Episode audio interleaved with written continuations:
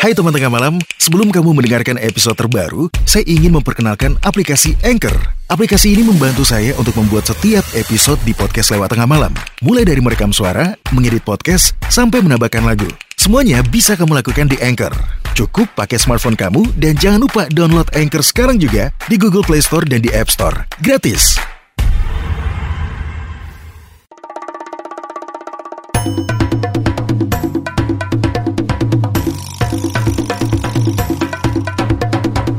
Kini Podcast Network.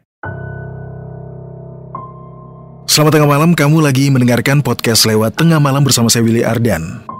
Kadang tanpa kita sadari mereka yang tidak kasat mata memperlihatkan wujudnya dengan satu alasan yang tidak pernah bisa kita tahu.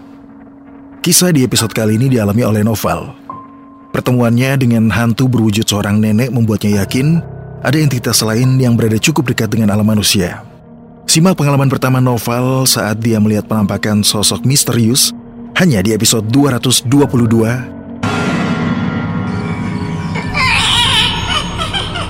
Hantu Nenek.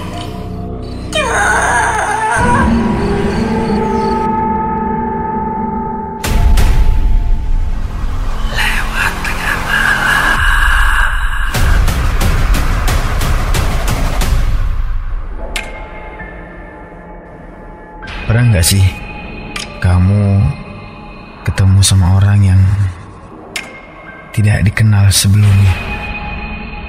Bagaimana kalau orang yang kita temui itu adalah sosok yang sangat menyeramkan? Oh iya, perkenalkan, nama saya Noval. Dua minggu lalu, saya sedang menikmati liburan saya di rumah saudara di kampung. Sekitar jam 11 malam, suasana sudah sangat sepi. Maklum, di kampung nggak ada hiburan malam yang membuat orang-orang begadang. Berhubung saya punya kebiasaan susah tidur cepat, saya kemudian menonton TV sambil menunggu ngantuk datang. Waktu itu,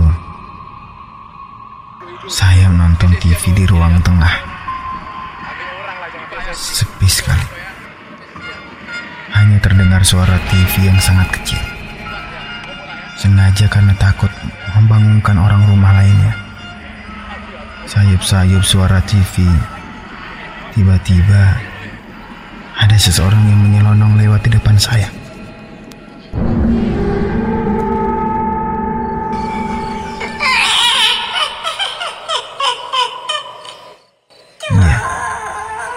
Sosok itu seorang nenek-nenek berumur sekitar 70 tahun. Dia lewat di depan saya sambil tersenyum. Anehnya, saya sama sekali tidak mengenal nenek itu. Tidak di keluarga kami. Tidak juga di keluarga kakak ipar saya. Saya cuma bisa bengong melihatnya lewat di depan saya. Jalan tertatih-tatih menuju ruangan belakang. Melihat kejadian itu, seketika tubuh saya merinding. Ketakutan, karena saya sadar kalau di rumah itu tidak ada satupun nenek-nenek yang tinggal di sana.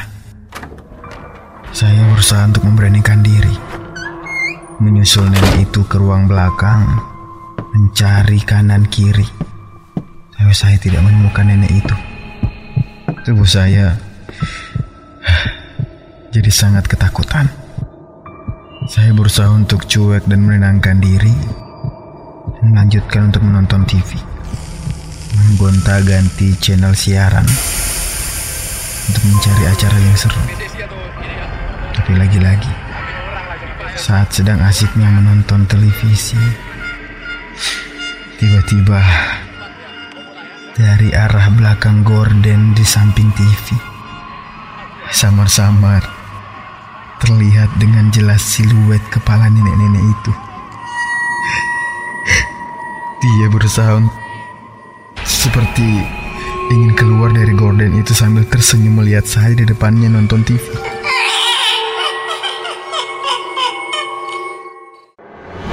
Mau cerita horor kamu dibacakan dan muncul di podcast lewat tengah malam? Kirim cerita horormu ke email willyardan13 at gmail.com. Kamu juga bisa mewujudkan impianmu menjadi seorang podcaster hanya dengan mendownload aplikasi Anchor di Play Store dan App Store atau akses di www.anchor.fm. Nah, sekarang giliran kamu bikin podcastmu sendiri.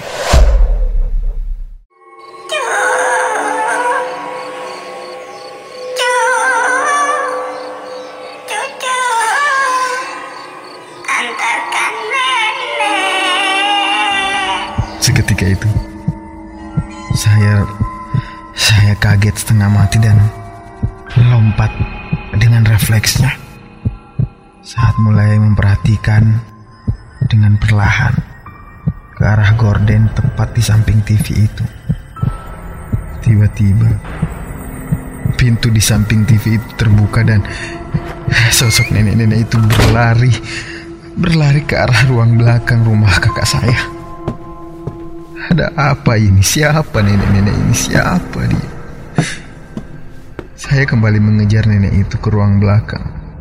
Tapi lagi-lagi, saya tidak menemukan seseorang di sana.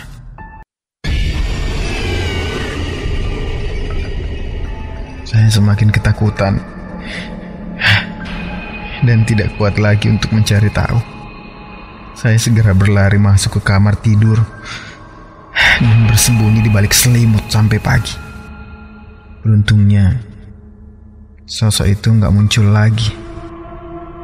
Keesokan harinya, saya memberanikan diri untuk bertanya ke saudara saya tentang kejadian yang baru saja saya alami tadi malam.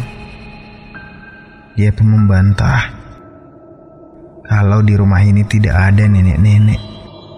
Tapi tiba-tiba saja dia mengingat kalau seminggu lalu ada seorang nenek-nenek berusia 75 tahun yang tinggal tepat di depan rumah saudara saja meninggal karena sakit.